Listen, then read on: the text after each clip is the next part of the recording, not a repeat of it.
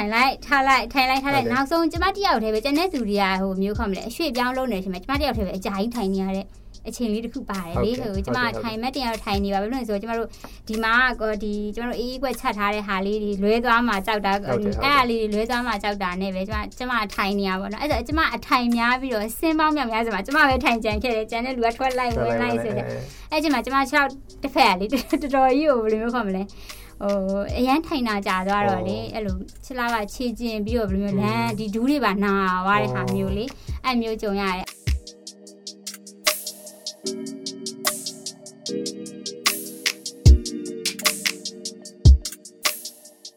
ထားပါတော့အမှရိုက်တာကတော့ဟိုဟာလောက်ရှိမယ်နဲ့တူတယ်ကျွန်တော်မမိတာ၄၅6ခုလောက်ရှိတယ်ဟုတ်တယ်အဲ့နဲ့တကယ်တမ်းဆက်လန်ဒီ final ထဲမှာရောက်လာတော့ ဟောသူကတော့ဒီ edit လုပ်တဲ့သူတွေကတော့အဲပိုကောင်းတဲ့ရုပ်ကပ်ကိုပဲသူကယူမှာဖြစ်တယ်လေဟုတ်တယ်အဲဒါမဲ့အဲ့သူယူတဲ့ရုပ်ကပ်မှာကျွန်တော်အတန်ကဘယ်လိုပြောရမလဲဟဆန်တီးထားတာမှအရင်သိတာရော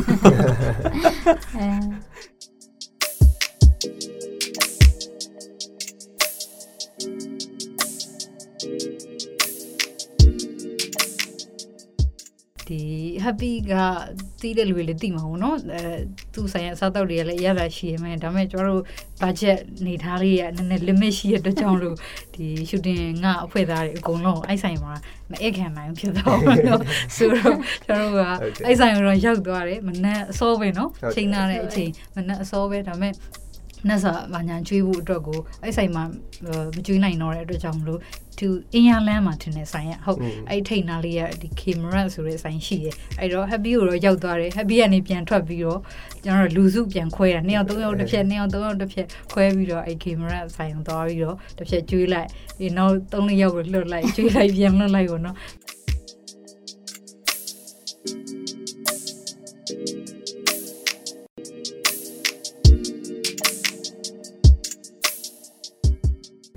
စဦးဆုံးအဲရှူတင်ပထမဦးဆုံးရက်ဆိုလို့ရှိရင်လေဘာစလို့လို့မသိဘူးသူကလက်ထဲမှာဇန်နူးကြီးစာရွက်တွေ story book စာရွက်တွေကင်ထားပြီးတော့မှဘာစလို့လောက်မှမသိဘူးလားဘယ်ကနေဘလို့ရှူတင်စခေါ်ရမလဲမသိအဲအဲအဲ့အချိန်မှာ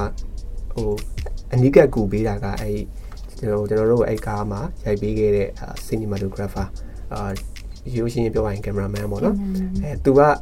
ကိုပြေကိုအနီးကပ်သူလာပြီးအခုပြေစတော့မယ်နော် ကြရက်တော့မယ်အဲရက်တော့မယ်ဆိုရင်ပဲအဲဘယ်လိုဘယ်လိုဟို club ပါခေါ်ပါညာပေါ့နော်အဲ့လိုအဲဒါမျိုးတွေအစားအပြင်တေးဥဆောင်ဆိုရင်အဲကိုပြတခြားကြည့်တာအဲသူတေးဥဆောင်တာဆင်ပြေရင်သူ့ကိုပြန်ပြောသူအာမနာနဲ့နှာခေါင်းသုံးခေါင်းရိုက်ပြီးဆိုလည်းရိုက်ပေးမယ်အဲစသဖြင့် तू ကဟိုကိုယ့်ထက်ပိုပြီးတော့စီနီယာဖြစ်တဲ့ခါကျတော့အတွေ့အကြုံတွေအများကြီးရှိရောကိုယ့်အလိုမျိုးဆွဲခေါ်တာပေါ့နော်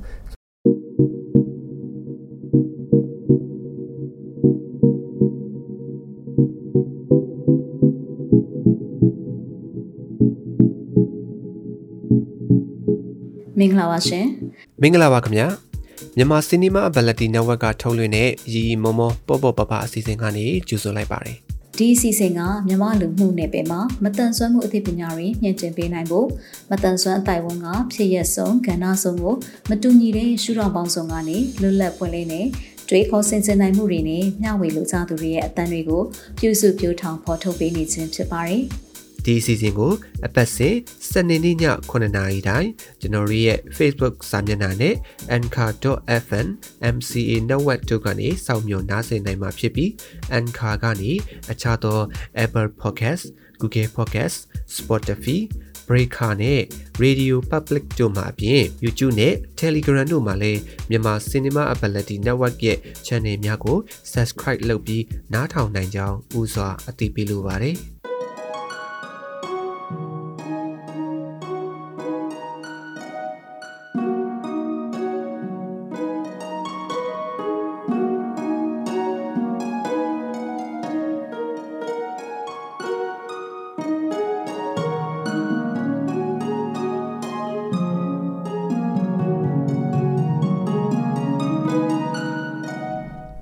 MC Network ရဲ့ရီမမောပေါ့ပပ pocket အစီအစဉ်လေးကနေပြန်လဲကြိုဆိုလိုက်ပါတယ်ခင်ဗျ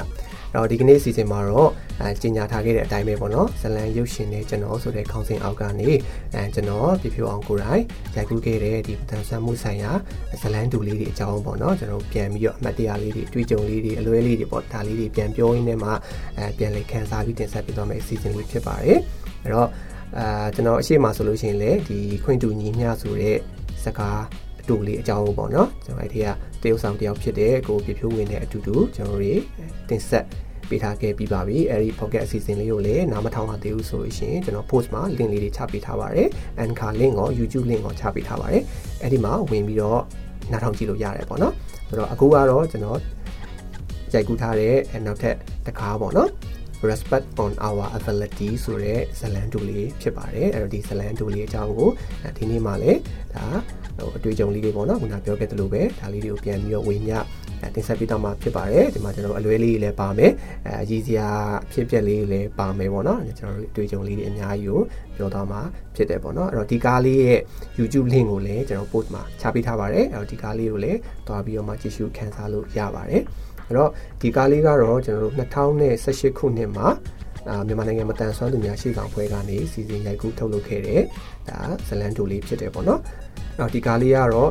ကမ္ဘာကုလသမဂ္ဂမတန်ဆွမ်းသူများအခွင့်အရေးဆိုင်ရာသဘောတူစာချုပ် UNCRPD လို့ခေါ်တယ်ပေါ့နော်အဲ့ဒီကဒီ article အပိုက်20ခွန်မတန်ဆွမ်းသူများနဲ့ဒီအလောက်ကန်အခွင့်အလမ်းအကြောင်းလေးကိုကျွန်တော်တို့ဖန်တီးပုံဖော်ရိုက်ကူးထားတာဖြစ်ပါတယ်။ဒီဇလန်လေးကိုတော့အာဇညွန်ကြီးပြီးတဲ့သူကတော့အကြအယုံမတန်ဆွမ်းသူညီမလေးတင်ထက်ဆန်ဖြစ်ပါတယ်။အဲ့တော့သူကရိုင်းလည်းဒီဇလန်ထဲမှာပါဝင်တရုပ်ဆောင်ထားတာဖြစ်ပါတယ်ဗျ။ဆိုတော့ အဲဒီနေ့မှာကျွန်တော်ရဲ့အစီအစဉ်လေးမှာပေါ့နော်။ကျွန်တော်နဲ့အတူတူပါဝင်ဆွေးနွေးသွားမယ့်ကျွန်တော်တို့တငယ်ချင်းညီကိုမောင်နှမတွေလည်းရှိပါသေးတယ်။အဲကျွန်တော်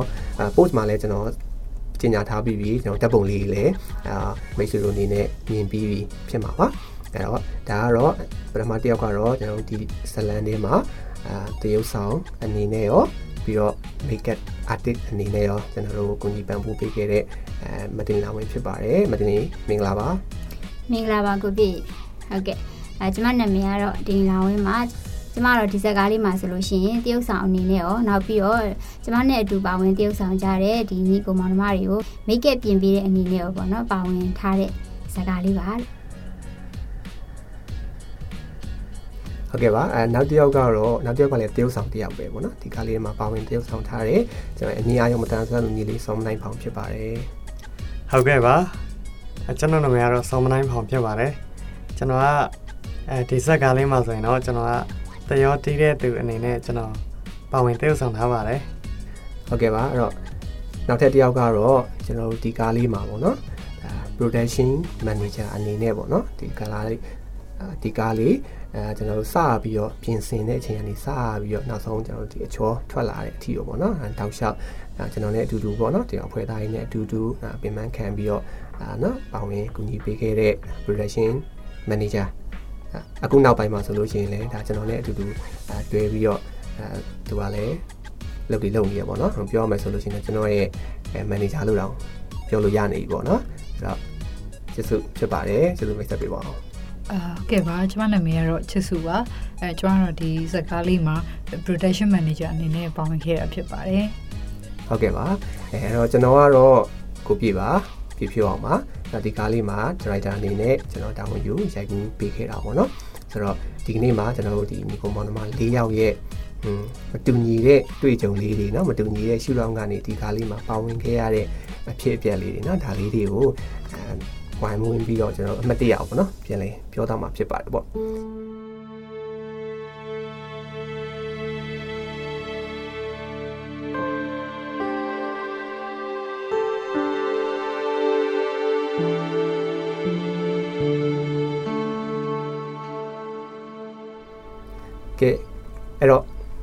အရင်ဆုံးစပြောချင်လဲ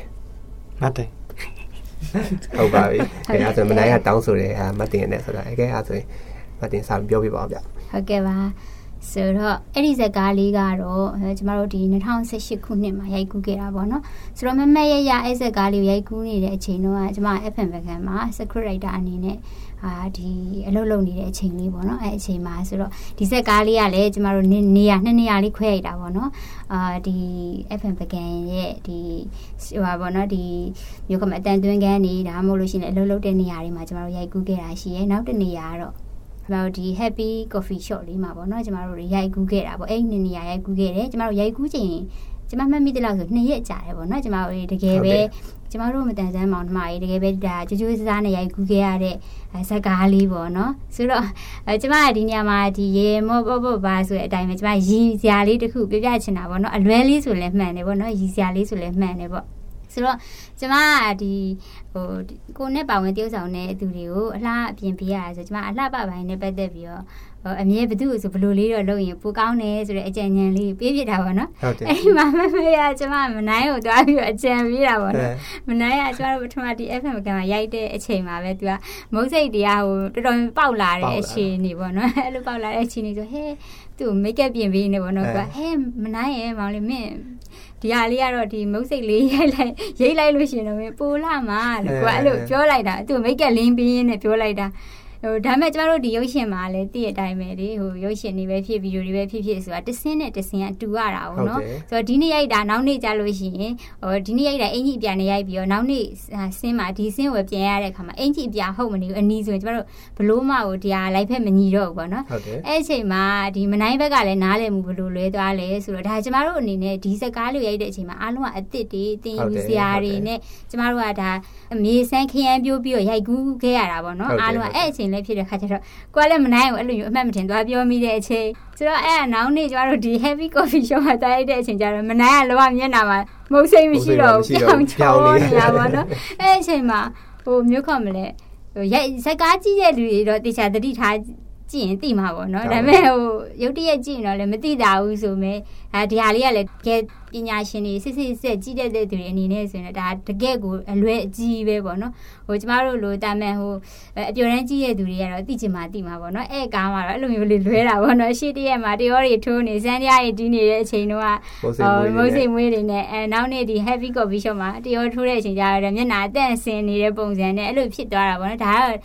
ကိုတွေလည်းဟိုလွဲသွားမလားမလွဲသွားဘူးလားဆိုတာကိုမသိသေးဘဲနဲ့ဒါလွဲခဲ့ရတဲ့ဒီဟာတလည်းဖြစ်တဲ့ဟာလေးတခုပေါ့နော်အဲ့ဒါတော့ဒါဟိုမှတ်မှတ်ရရပေါ့နော်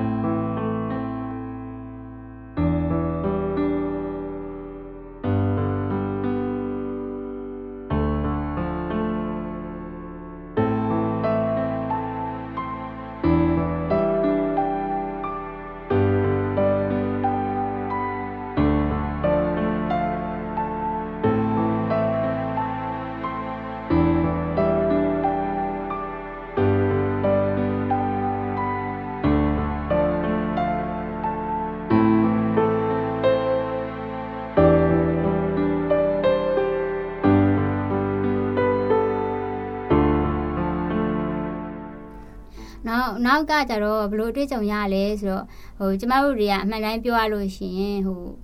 စိတ်ထဲမှာပေါ့နော်အနုပညာဝါသနာပါတယ်ဆိုမဲ့ဒီမျိုးဒီလိုမျိုးဟာတွေနဲ့ပတ်သက်ပြီးတော့ကိုကထထဲဝင်အဲ့လိုမျိုးတွေ့ကြုံဘူးတဲ့အခါကျတော့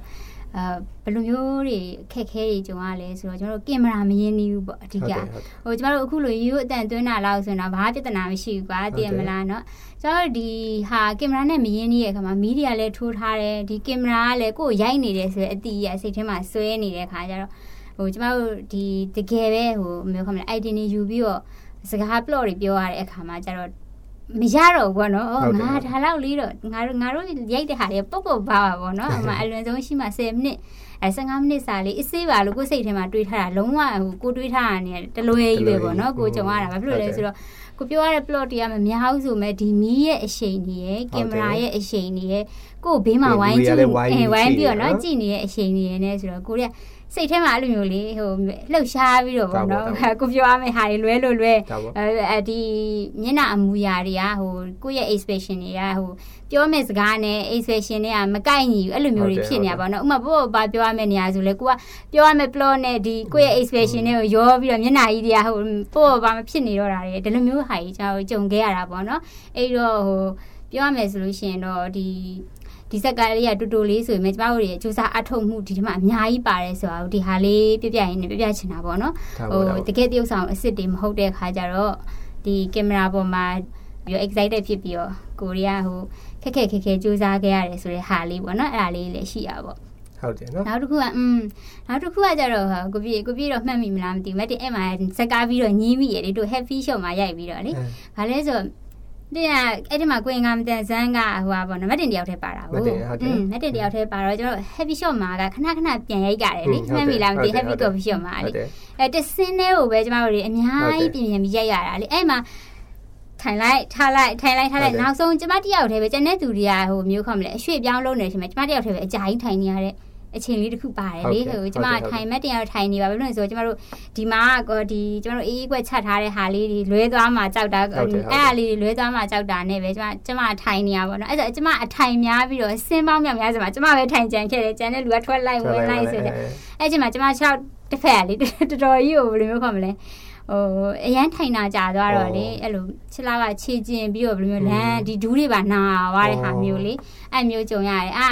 ကိုလည်းအဲ့ဒီရိုက်ကူးရိုက်နေတဲ့အချိန်မှာကိုကဘယ်လိုတွေးလဲဆိုကြတော့လေကိုအတွက်လည်းကိုကြောင့်မလို့တခြားသူနောက်ဖြစ်ဖြစ်မှလည်းကြောက်တယ်ဟိုမျိုးကမလဲဟိုစိတ်ထဲမှာ ဒီဟာကိုမပြောမိဘူးနားကျင်တယ်လို့မပြောမိဘူးဘာဖြစ်လို့ကိုရီတိရဲ့အတိရလဲကိုပြည့်ရဲ့ဘယ်လိုဖြစ်နေလဲဆိုတော့အော်ငါတို့ဒီနေ့တည့်ရဲ့ကိုဒါပြီးအောင်ရရမှာဆိုတဲ့အတိရလဲဝင်နေတဲ့ခါကျတော့ကိုစိတ်ထဲမှာအဲ့ဒါကိုခဏလောက်ပေးနာပါအောင်ဆိုတဲ့ဟာမပြောမိဘူးပေါ့နော်အာအဲမပြောမိတဲ့ခါကျတော့ချက်လောက်ကအဒူးနာဝါပေါ့နော်တရက်နှစ်ရက်လောက်တည်းအဲဒူးနာတာကိုခံလိုက်ရတာပေါ့နော်ဒါတော့ဒီဟာမှတ်မှတ်ရရပဲပေါ့နော်အဲ့ဒီဥစ္စာလေးလည်းဒီဇက်ကားရရင်နဲ့တွေ့ကြရတယ်အတွေ့အကြုံအမှန်တကယ်ဆိုရင်တော့ခဏတစ်ဖြုတ်တာ ဟိုလမ်းထလျှောက်တာပဲဖြစ်ဖြစ်ခွန်တောင်းလိုက်လို့ရှိရင်ရတယ်ပေါ့နော်ဒါပေမဲ့လေကိုကအဲ့ဒီအချိန်မှာအဲ့လိုမျိုးမသိဘူးကွာတရက်တည်းအဲ့လိုပြီးရမယ်ဆိုတဲ့ဟာကစိတ်ထဲမှာဆွဲနေတော့အဲ့အမျိုးမလုပ်လိုက်မိဘူးပေါ့နော်အဲ့ဒါလေးတခုလည်းအဲ့ဒါအဲ့ဒီမှာခံစားရတာပေါ့နောက်ပြီးတော့အဲ့ဒါကဘာလို့သွားထိကြိုက်လဲဆိုတော့မတင်မြင်တာပေါ့နော်ဒီမှဒီရဲ့နာကျင်မှုကကိုယ်စိတ်ထဲမှာရောက်လာတာဟုတ်တယ်အဲရောက်လာတဲ့ခါကျတော့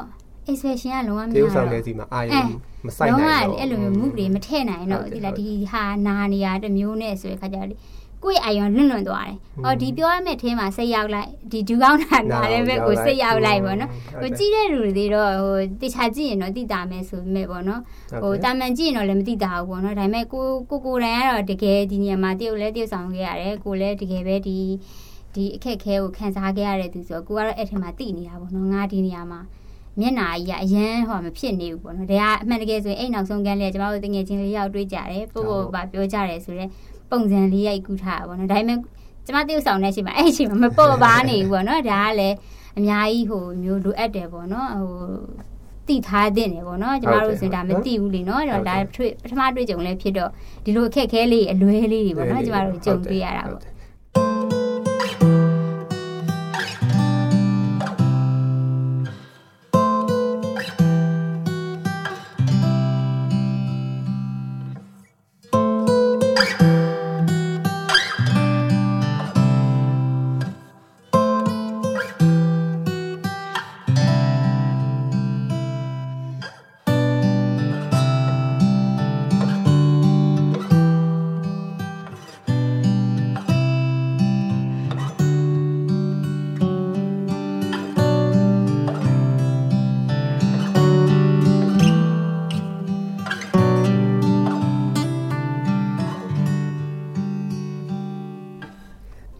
ပြီးတော့ခုနမတင်ပြောသွားသလိုပဲလေဒီနေ့ဒါအပီးရိုက်ရမယ်ဆိုတော့စိတ်ကလည်းရှိနေတာ။ဘာလို့ဆိုတော့ကျွန်တော်ကလည်းဒါဟိုဖွဲ့စည်းကနေရိုက်တဲ့ဟို project ရဲ့ဒါလုပ်ငန်းစဉ်တစ်ခုဖြစ်တဲ့အခါကျတော့ဟို project မှာလည်းသူ့ရဲ့ဟိုအတိုင်းတာလေးရှိလေနော်ဒီတော့နှစ်ရက်အတွင်းအပြီးရိုက်ပါဆိုလဲရိုက်ရမတော့ရက်အပြီးရိုက်ရမယ်ဆိုလဲရိုက်ရတာရှိတာအောင်နော်ဒီ budget limit တွေပါလေးရှိရဆိုတဲ့အခါကျတော့ဒါဒီဒီလိုမျိုးအခက်အခဲလေးတွေတော့ရှိတာပေါ့နော်ဟုတ်တယ်ဆိုတော့အာဒီကားကတော့ဒါကျွန်တော်တို့ စပြီးတော့ဒီကားရိုက်တဲ့အချိန်ကကျွန်တော်တို့ဟို MC network မှာ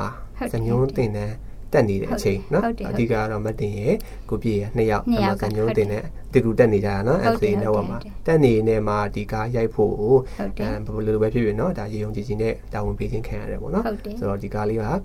ကျွန်တော်ဘယ်လိုပြောမလဲအစအဝန်းပေါ့เนาะခုနအတွေ့အကြုံကလည်းခုန မတင်ပြောလို့ပဲဘာမှမရှိသေးဘူးရိုက်ကွေးတွေ့ကြုံနေဆိုဘာမှမရှိသေးဘူးဒီမှာဝင်ကူပေးကြတဲ့ဒီစီနီယာ နော်ပညာရှင်တွေဒီကနေအလူကြုံတွေအများကြီးယူခဲ့ရတာဆိုတော့နော်အခက်အခဲတွေကတော့ကျွန်တော်ဒီလိုပဲတော့အများကြီးပဲကြော်ပြခဲ့ရတာပေါ့နော်အဲ့တော့ဒီကားကဒါကနပြောလို့မတန်ဆန်းသူတွေရဲ့အလုပ်ကိုင်ခွင့်လန်းနဲ့ပတ်သက်တဲ့အကြောင်းအရာလေးဖြစ်တယ်ပေါ့နော်ဒီထဲမှာမတန်ဆန်းမှု၄မျိုးစလုံးပါတယ်ကိုရင်ကရောအမြင်ရောနောက်ဒီအကြာအာယုံမတန်ဆန်းနောက်ငြိမ်မတန်ဆန်းပေါ့နော်ဒီ၄မျိုးစလုံးရဲ့ဒါအလုပ်ကိုင်ခွင့်လန်းနဲ့ဒါပတ်သက်တဲ့အကြောင်းအရာလေးကိုရိုက်ထားတာပေါ့နော်ဟုတ်တယ်ကျွန်တော်ဒါ ဟိုအကြအယုံဒါညီမလေးတင်ထက်ဆန်ကိုတိုင်းကလည်းဒီစညိုရေးပေးထားတာရေးပေးထားပြီးတော့ဒါမတန်ဆွမ်းသူတွေနဲ့ပဲဝိုင်းဝန်းပြီးရိုက်ကြတာပေါ့နော်အဲ့တော့တကယ်လဲဟိုလိုပြောမလဲအမတ်တရလည်းအများကြီးရှိရယ်နော်ပြောစရာကြီးလည်းရှိရယ်ပေါ့နော်ဆိုတော့အဲအဲ့တော့ဒါဒါကတော့မတ်တင်တရုပ်ဆောင်ဟောနော်ဒီဘက်က make up artist အနေနဲ့တော့တွေ့ကြုံရတွေ့ကြုံနေပေါ့အဲ့တော့ဒီကားကိုထုတ်လုပ်တဲ့အချိန်မှာ production ဘက်ကအတွေ့အကြုံလေးလေးရှိအောင်ပါပဲเนาะအဲ့တော့ production manager ကြီး ညာကြီးအတွေ့အကြုံမှာဆိုတော့ဘာရှိလဲပေါ့နော်သူစပြီးတော့ပြင်ဆင်ရတဲ့အချိန်လေးတောက်စပြီးတော့အဆုံးထိသူလည်းတောက်လျှောက်ပါတယ်နော်စစ်စစ်လေးကတော်တော်ပင်ပန်းနေပေါ့နော်ဒီမှာ production manager ဆိုတော့အစအဆုံးတော့အကုန်လိုက်လုပ်ရတာ哦နော်အဲ့ဒါကျေးဇူးအတွေ့အကြုံရောဘာရှိသေးလဲအာဟုတ်ကဲ့ပါကိုပြေဟိုဟာဒီကားလေးရောနော်မမရရအရှိမကိုပြေတို့တင်ဆက်ပြီးသားဖြစ်တဲ့ဒီခွင့်တူမြညီမြစကားလေးကတော့ဒုတိယတကားဖြစ်မယ်ထင်တယ်ဒီကပထမစရိုက်လိုက်တဲ့ကားဖြစ်တော့ဟုတ်တယ် ဟုတ်တယ်ဟိုနောက်ကားတွေကတော့အဆင်ပြေတော့ဗောနော်အတွေ့အကြုံဘာညာလဲနေရသွားတော့ရှေ့တကားဖြစ်တော့ကျွန်တော်တို့အရင်ဆုံးအမတ်တရဖြစ်နေတဲ့အရာတွေအရင်ပြောကြည့်မယ်ဗောနော်ဒီဒီစကားလေးနဲ့ပတ်သက်ပြီးတော့ဆိုတော့အမှကျွန်တော်တို့ဒီ location ကိုအရင်ဆုံးစဉ်းစားကြတယ်ပေါ့နော်စဉ်းစားတော့ပထမတစ်ရက်ကတော့ဒီ FM ကမှာရိုက်မယ်ပေါ့နော်ဒုတိယတစ်ရက်ကတော့အဲ့ဒီ Happy Coffee Shop ပေါ့နော်အဲ Happy မှာရိုက်မယ်ဆိုပြီးတော့စီစဉ်လိုက်ကြတယ်ဆိုပေမဲ့ဒီနေရာ ကိုဟိုရိုက်ကူးဖို့အတွက်ကိုပေါ့နော်ခွင့်ပြုချက်တောင်းရတာတွေအဲ့ process တွေကအာအချိန်လဲယူရတယ်အာတော်တော်ကြီးလဲဟိုစူးစမ်းပြီးတော့လုပ်ခဲ့ရတာလေးကအမှတ်တရပေါ့နော် FM game solution လဲအဲကျွန်တော်တို့ ਨੇ ရင်းနှီးနေပြီးသားဖြစ်ပေမဲ့လည်းဒီတရားဝင်ပေါ့နော်စာရီရေးပြီးတော့အာဆက်သွယ်ခဲ့ရတာရှိတယ်ပြီးတော့အာ happy solution လည်းအဲကျွန်တော်တို့ယုံကအကူတယောက်အတိအချိတ်ဆက်နေပေါ့နော်အဲအမှသွားပြီးတော့ ဒီသူတို့ ਨੇ တေချာပြောဆိုပြီးတော့မှခွင့်ပြုချက်လေးတွေယူခဲ့ရတာရှိပေါ့နော်အဲ့ဒါကိုမှဒီရိုက်ကူးရေးဒုတိယရက်ကြတော့အဲကျွန်တော်တို့လည်းမတင်မှတ်ထားတဲ့ဟာတွေကလည်းရိုက်ကွင်းမှာအများအားဖြင့်ဖြစ်တယ်ဆိုတော့လေဟုတ်တယ်အဲမတင်မှတ်ပဲအချိန်နည်းနည်းပိုကြာသွားတာပေါ့နော်ကျွန်တော်တို့သူ့ကိုအဲ request လုပ်ထားတာလုံဆုံးနေ့တစ်ပိုင်းလောက်လေးပဲပေါ့3-4နာရီလောက်လေးပဲပေါ့အဲအဲ့လိုပြောပေမဲ့တကယ်တမ်းအိုင်းနေကအဲ့ထက်အချိန်ကပိုပြီးတော့ကြာသွားတော့နော်ကြာသွားတော့တနေ့ကုန်နီးပါးလောက်ဖြစ်သွားတယ်အဲ့တော့ဟိုဆိုင်ဘက်ကိုကြည့်မယ်ဆိုလို့ရှင်လဲဟိုတကယ်ဟိုအာနာဖို့ကောင်းကောင်းတာပေါ့နော်ဆိုတော့ကျွန်တော်လည်းမရွယ်ဘဲနဲ့အချိန်ကပိုယူလိုက်ရတာဖြစ်တဲ့အတွက်အဲအဲ့ခက်ခဲလေးကြုံခဲ့တာပေါ့နော်ဒီဆိုင်ထဲကိုစားမဲ့ customer တွေဝင်လာတယ်ကျွန်တော်တို့တွေကျွန်တော်တို့လုံနေတာတဝိုင်းနှစ်ဝိုင်းပဲဆိုပေမဲ့ရိုက်ကူးရေးလုံနေတဲ့နေရာတဝိုင်းနှစ်ဝိုင်းပဲဆိုပေမဲ့ ဒီကင်မရာကြီးထိုးထားတဲ့နေရာဟိုတခြား customer တွေကဟိုသူတို့ထဲမှာကင်မရာထဲမှာပါမှာဖြစ်တဲ့အတွက်ကြောင့်မလို့ဟိုလုံးဝမဝင်လာတဲ့အတွက်ကြောင့်အဲ့ဒီပိုင်းလုံးကိုဟိုဆိုင်ကကျွန်တော်တို့နေရာပေးလိုက်ရတယ်လို့ကြီးဖြစ်သွားတော့ဟိုအာနာကိုလည်းကောင်းတာပေါ့နော်အဲအဲ့ချိန်မှာ manager ထွက်လာပြီးတော့အဲကျွန်တော်တို့လာညှိတာပေါ့နော်အဲအဲ့လိုမျိုးပြီးတော့မှလာဖို့ဒီဘက်မှာ customer တွေနဲ့ခက်ခဲလေးရှိလို့ပါဟုတ်တယ်ဆိုပြီးတော့ကျွန်တော်စီလာပြောတာပေါ့ဆိုတော့ ဒီဘက်မှာလည်းမပြီးသေးဘူးအဲဆိုတော့ကိုကလည်းတောင်းပန်ရတာပေါ့နော်တောင်းပန်ပြီးတော့မှအာပြီးကနေပါပြီတခြားပြန်ပြောရင်းနဲ့နောက်သိမ့်မကြအောင်ဘောနော်အဲလက်စားတတ်နိုင်လိုက်တော့ဟောဘာပြောအလုံးကျသွားဘောနော်ပြီးတော့ရှူတင်လဲနောက်တစ်ရက်ထပ်ကူလို့ရှင်ကုန်ကြစိတ်ကလည်းထပ်ပြီးတော့မလိုက်နိုင်တော့ဆိုတော့ဂျာကြီးကညခုံလှုပ်တော့အော်အဲ့ဒါလေးကတော့ကျွန်တော်တို့ ဒီ location နဲ့ပတ်သက်ပြီးတော့အမှတ်တရပေါ့နောက်တစ်ခုကတော့အလွဲလေးပေါ့နော်အဲ့ဒါတော့ပထမဆုံး shooting day 1မှာဒီ FM ကန်မှာရိုက်တော့အတန်ဖမ်းမဲ့မိုက်ထဲကိုထည့်တဲ့ battery ကိုမှားပြီးဝယ်လိုက်တော့နော်ကျွန်တော်လည်းကိုပြို့မေးတယ်ဒါပေမဲ့သူကစိုက်မှားပြီးဝယ်လိုက်တာတကယ်တော့ထည့်မဲ့စိုက်ကအေးအေးစိုက်အဲ့ဒါကိုအေးသုံးလုံးစိုက်ဝယ်လိုက်တဲ့အတွက်ကြောင့်မလို့ရိုက်ခံနေကြမှာဘက်ထရီတွေက မားနေတဲ့အတွက်ကြောင့်မလို့ထည့်မရတော့ဖြစ်တဲ့အတွက်ကြောင့်မလို့ချက်ချင်းပေါ့နော်ဒါကကံကောင်းကျင်တော့နီးနားမှာစိုက်ရှိတော့ချက်ချင်းပြေးဝယ်လိုက်လို့လွယ်သွားတာပေါ့နော်ဆိုတော့အဲ့ဒါလေးအမှတ်တရ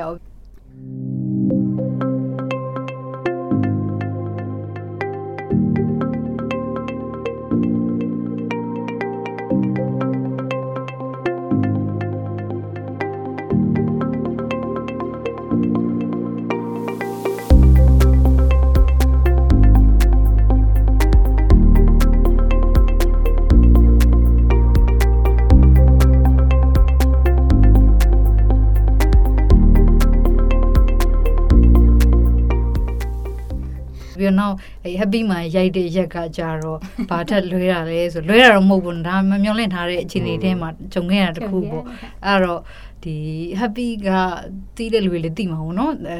သူဆိုင်ရာစားတော့တွေကလည်းရတာရှိရမယ်ဒါပေမဲ့ကျွန်တော်တို့ budget နေထားလေးရနည်းနည်း limit ရှိရတဲ့ကြောင့်လို့ဒီ shooting ငါအဖွဲ့သားတွေအကုန်လုံးအဲ့ဆိုင်မှာမအိတ်ခံနိုင်ဖြစ်တော့ဘူးနော်ဆိုတော့ကျွန်တော်တို့ကအဲ့ဆိုင်ကိုတော့ရောက်သွားတယ်မနက်အစောပဲနော်ချိန်နာတဲ့အချိန်မနက်အစောပဲဒါပေမဲ့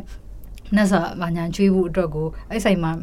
မကျွေးနိုင်တော့တဲ့အတွက်ကြောင့်မလို့ သူအင်ယာလန်းမှာထင်တယ်ဆိုင်ရဟုတ်အဲ့ထိတ်နာလေးရဒီ camera ဆိုတဲ့ဆိုင်ရှိတယ်အဲ့တော့ happy ကိုတော့ရောက်သွားတယ် happy ကနေပြန်ထွက်ပြီးတော့ကျွန်တော်လူစုပြန်ခွဲတာနှစ်ယောက်သုံးယောက်တစ်ဖြက်နှစ်ယောက်သုံးယောက်တစ်ဖြက်ခွဲပြီးတော့အဲ့ camera ဆိုင်ကိုသွားပြီးတော့တစ်ဖြက်ကျွေးလိုက်ဒီနောက်သုံးလေးယောက်ကိုလွတ်လိုက်ကျွေးလိုက်ပြန်လွတ်လိုက်ကိုနော်အဲ့လိုမျိုးအဲ့လိုမျိုးစီစဉ်ခဲ့ရတာလေးတခုလေဟိုအမှတ်တရဂျာကြီးရဲ့ဂျာကြီးရဲ့ဒါ budget management လုပ်တဲ့စကေးတွေပေါ့နော်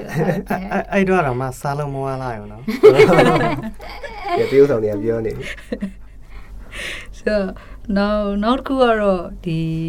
ဘာဘောနော်ကျွန်တော်တို့ပြောရင်တော့ကျွန်တော်ကဒီဘက်မှာဒီစကားထဲမှာ production manager အနေနဲ့လည်းပါဝင်လာဖြစ်တယ်လို့တစ်ဖက်ကလည်း project project step ဖြစ်နေပေါ့နော်ဆိုတော့အာဒီအဲထဲမှာပါဝင်ငါမဲ့ကုခန္ဓာအနေနဲ့ပတ်သက်ပြီးတော့တချို့လောက်ရမဲ့တာဝန်ဝတ္တရားလေးတွေလည်းရှိရဲဆိုတော့အဲ့ဒီရိုက်ကူးရေးမတိုင်ခင်မှာဆီယမຫນွေက တင်နန်းသဘောမျိုးဒီ meeting လေးတစ်ခုခေါ်လိုက်တယ်ပေါ့နော်ခေါ်ပြီးတော့ကျွန်တော်တို့လုပ်ရမယ်ဟာလေးတခြားပြောပြပြီးတဲ့အတွက်ကြောင့်လည်းအော်တတော်ရိုက်ကူးရတဲ့နေ့မှာကိုလောက်ရမယ့်အပိုင်းတွေတော်တော်တာဝန်ရှိလုံနိုင်ခဲ့တယ်ပေါ့နော်အဲ့ကနေပြီးတော့လေအတွေ့အကြုံကောင်းလေးဟောအများကြီးရခဲ့တာလေးရှိပါတယ်လို့อืมပြောရင်တော့အဲ့ဒီက ဆိုတော့ဟို production manager အနေနဲ့လေဒီဘက်မှာတစ်ဖက်ဟို shooting တစ်ခုလုံးရဲ့နောက်ကွယ်နေပြီးတော့တာဝန်ယူရတဲ့အပိုင်းတွေရှိတယ်နောက်တစ်ချက်အဲ့နေ့ကဟိုဟာနော် shooting နှစ်ရက်လုံးမှာပဲဖြက်လျှောက်ပေါ့နော်ဂျာကြီးတစ်ဖြစ်လေဖြက်လျှောက်ပါလုပ်လိုက်ရတယ်ပေါ့နော်အဖက်မကန်မှာဆိုလဲရိုက်တော့ကျွန်တော်တို့အာ မတင်ကိုရိုက်တဲ့အခန်းထင်တယ်အဲအမှနောက်မှာလူတွေပါတယ်မရှိဘူးဖြစ်နေတော့လှုပ်လှုပ်နေတဲ့ဝန်ထမ်းဟိုမပေါ်ဘူးဖြစ်နေတော့အဲ့နဲ့ဂျာကြီးဝင်ရိုက်ပေးပါဦးဆိုတော့အေးတော့နော်ဖြက်လျှောက်ဖို့အာတခါဒီဘက် happy မှာတခါထိုင်ကြည့်နေမဲ့စပွဲဝိုင်းကဟိုဝင်စားနေတဲ့လူတွေပုံစံမျိုးပေါ့နော်ဒါပေမဲ့လည်းသေရုပ်ဆောင်ရတာမလွယ်ပါဘူးလို့ဖြက်လျှောက်လေးလုပ်ရတာတော့မှတော်တော်လေးခက်ခဲဆိုတာသိသွားတယ်ပေါ့နော်အားလေးတဲ့အမှတ်တရပါလို့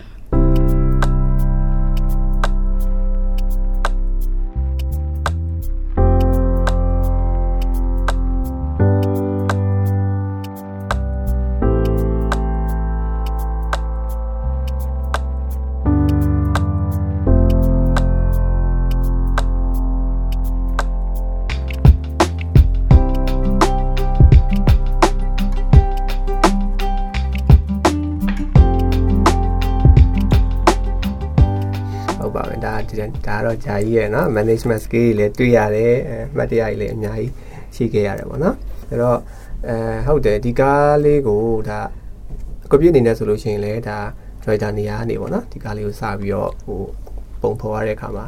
ဒီဇညွှန်းရတယ်ပေါ့နော်ဇညွှန်းရပြီးတဲ့အခါမှာဒီဟိုတို့အာ story book တွေပါဆွဲရတယ်ပေါ့နော် story book တွေဆွဲရတဲ့အခါမှာလည်းဒီဇညွှန်းကိုအာကိုကဟိုဘယ်လိုပြောမလဲကိုယ့်ရဲ့အာယုံထဲမှာပေါ့ဟိုပုံဖော်ရတာပေါ့နော်အာဇညွှန်းရဲ့အတိုင်းကို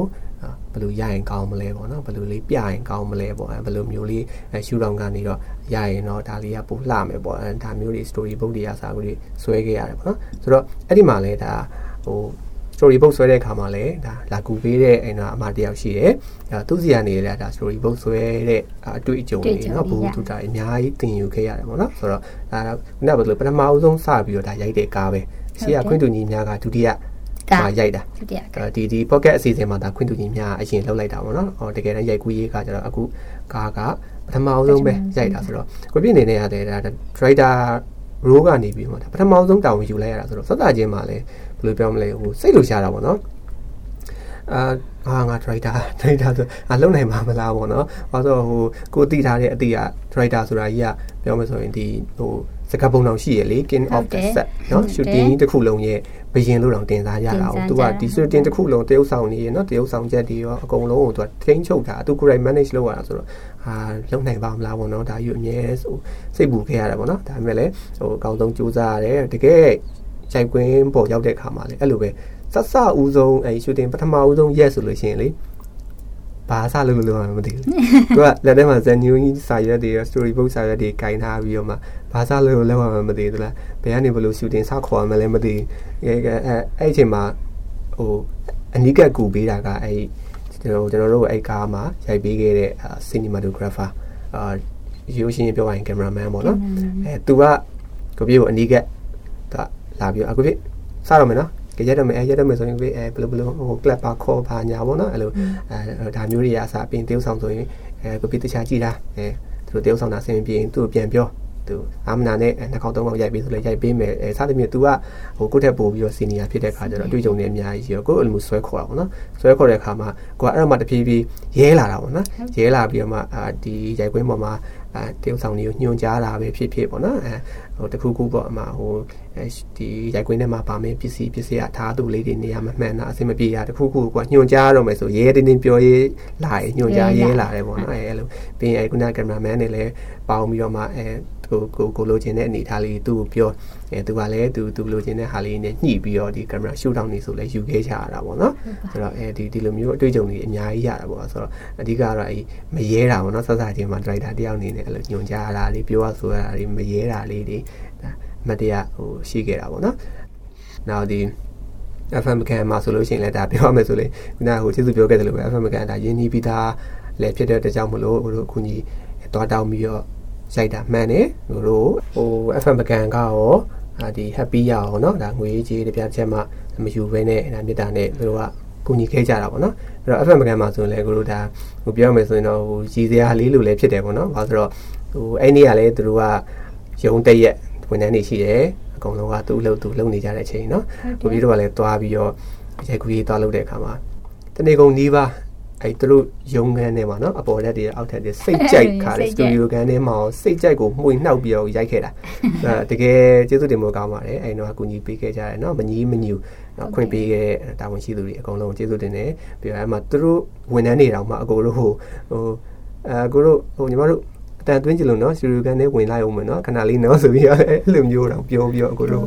ဟိုကူညီပေးခဲ့တာပေါ့နော်တကယ်ဟိုတနေ့ကုန်အနိုင်ကျင့်ပြီးတော့အမှ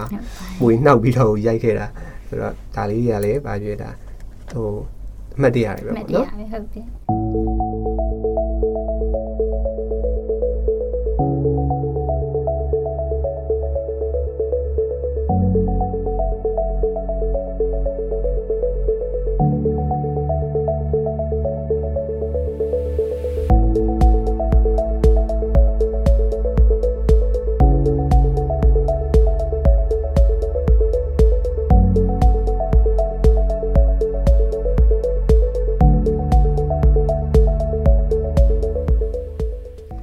ကဲအဲ့တော့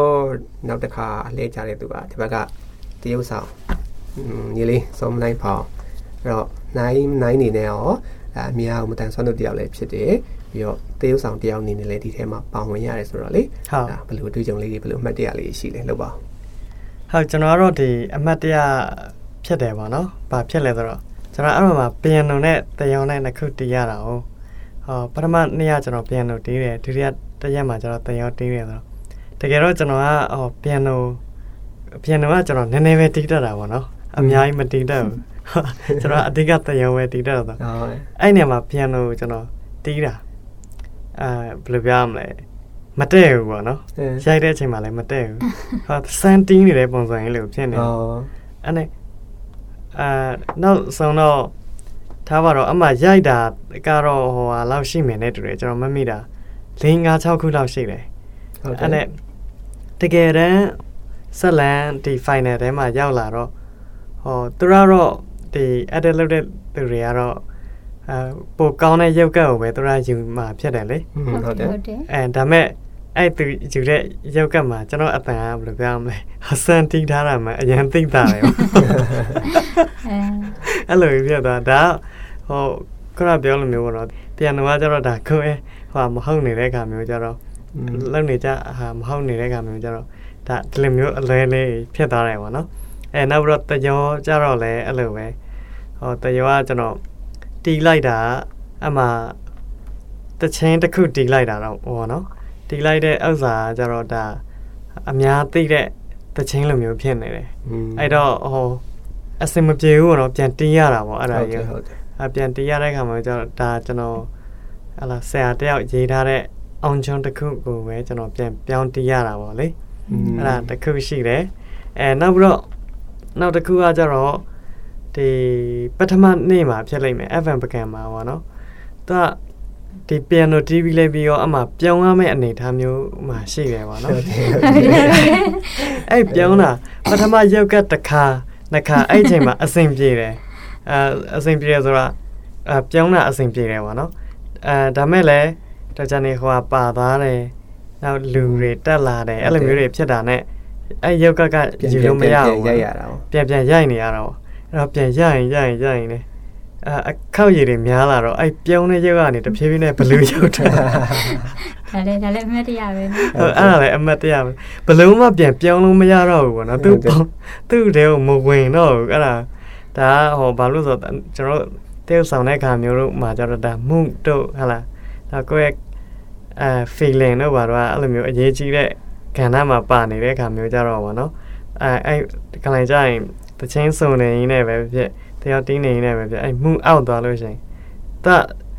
ဟောဆက်တော့လှုပ်တော့လှုပ်နေရပဲဒါမဲ့လည်းဟိုအသက်မပါတော့ဘူးအဲ့လိုမျိုးဖြစ်သွားတယ်ပေါ့နော်ဟာဟုတ်တယ်ဟုတ်တယ်ဟုတ်တယ်အဲ့တော့ဆိုလဲအဲ့ကက်ကကိုမမရရမတုံးလိုက်ရဘူးပေါ့နော်ဟုတ်တယ်အဲ့ပြုံးတဲ့ကက်သူနိုင်ရဲ့ဒီ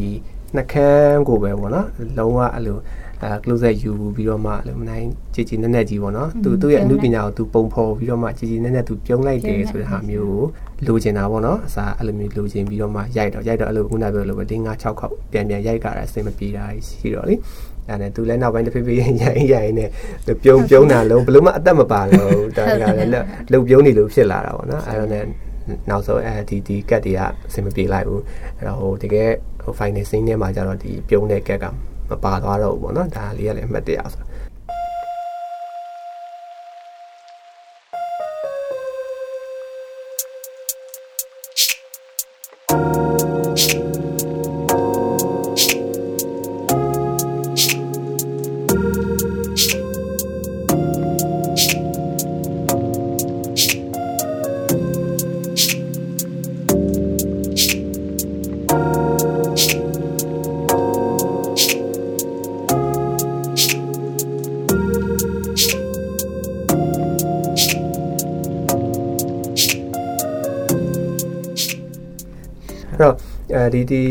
ဒီဟာနဲ့ပတ်သက်ပြီးတော့လေကိုမနန်းတစ်ခုလောက်မေးချင်တာဟုတ်အဲ့ဒါ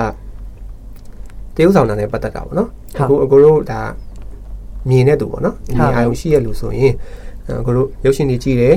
ဟိုဘသူကဘယ်လိုတရုပ်ဆောင်သွားတယ်နော်ဘယ်လိုပြုံးသွားတယ်လဲဘယ်လိုမဲ့သွားတယ်လဲဒါမျိုးတွေကိုကမြင်ရတယ်လေဟုတ်အကိုတို့ကြတော့အမြင်ရပြီးတော့မှအဲ့ဒီပုံမှာကိုတို့ကပြန်ပြီးသင်ယူတာဟုတ်တင်ယူပြီးတော့မှအဲသူတို့ကိုဟန် လှုပ်ရှားမှုဘယ်လိုရှိတယ်လဲဒါတွေကိုတင်ယူပြီးတော့မှအကိုတို့ပြန်တရုပ်ဆောင်ရတဲ့အခါမှာလည်းအဲ့ဒါတွေကိုကပြန်အသုံးချရတာပေါ့နော်ဟုတ်ဆိုတော့ဟိုဒီနိုင်တို့လိုအမြင်အာရုံမတန်ဆွမ်းတယောက်နေနေဆိုရင်ရောအခုလိုမျိုးတရုပ်ဆောင်တဲ့အခါမှာကိုယ့်ရဲ့ item အတွက်ကိုပေါ့နော်ဟိုဘယ်လိုမျိုးလှုပ်ယူရတယ်လဲပေါ့ဒါနိုင်ဆိုလည်းရှိမှဒါတရုပ်ဆောင်ခဲ့ဘူးတဲ့တွေ့ကြုံလေးရှိရဆိုတော့လေ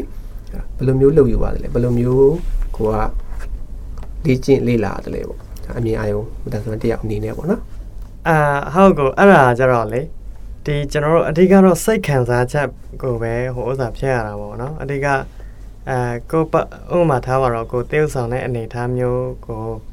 အဲပတ်ဝန်းကျင်အနေအထားတွေရှိမယ်နောက်ပြီးတော့ကိုယ့်ရဲ့ဘယ်လိုပြောရမလဲစောစောစိတ်ခံစားအဓိကတော့စိတ်ခံစားချက်ပေါ့နော်အဲစိတ်ပုံဖော်ရတာပေါ့အဲ့ဒီကိုတေးဥဆောင်မဲ့ပုံစံမျိုးကဲဘယ်ချိန်မှာတော့ဘယ်လိုမျိုးဖြစ်နေချိန်မှာငါဘာလေးလှုပ်လိုက်ရင်ဘယ်လိုပုံစံမျိုးဖြစ်သွားမလဲပေါ့နော် အဲ့တော့ကိုယ့်နဲ့ကိုယ်စိတ်ပုံဖော်တဲ့အခါမျိုးမှာအဲတချို့ဥစ္စာတွေကကြတော့ဒါကဒီတာမန်မြင်တဲ့သူတွေကကြတော့အဲတင်ယူလေ့လာရတဲ့အနေအထားမျိုးတွေပါအဲရှိတယ်ပေါ့နော်ဒါပေမဲ့ကျွန်တော်တို့မှာကြတော့အားတွေကမရှိတဲ့အခါမျိုးကြတော့တခါလေကြာရင်ကိုယ်တွေစိတ်ပုံဖော်တဲ့အခါမျိုးမှာတဲတဲ့အခောက်တွေရှိတယ်တခါတလေကြာရင်လည်းအဲ့လိုမျိုးလုံသွားတာတို့ပြီးရင်လိုအပ်တာထက်ပုံသွားတာတို့တခုခုလွဲနေတာမျိုးတို့ဘာလို့ရှိတယ်ပေါ့နော်အဲ့ခါကြာရင်လည်းကျွန်တော်က ဟာလာဒါအကိုတို့ပြန်မေးတယ်လေအကိုဒီလိုမျိုးဆိုရင်အစဉ်ပြေလားအဲအဲအဲကြောင့်ဒီလိုမျိုးဒါအဲတစ်ဖက်ကပေါ့နော်အဲကို manage လုပ်ပေးမဲ့သူကအစဉ်ပြေတယ်ဆိုတဲ့အနေအထားမျိုးရောက်မှပဲဒါအဲကောင်းမွန်တဲ့အဆင့်ကိုရရှိသွားတယ်ပေါ့နော်နောက်မေ့ဆိုရင်ခဏပြောလိုမျိုးပေါ့ကျွန်တော်တခါတလေကြာရင်ကိုကအာနည်းနည်းပါလွဲချောင်မှုလေးတွေရှိသွားတတ်တယ်ပေါ့နော်ဟုတ်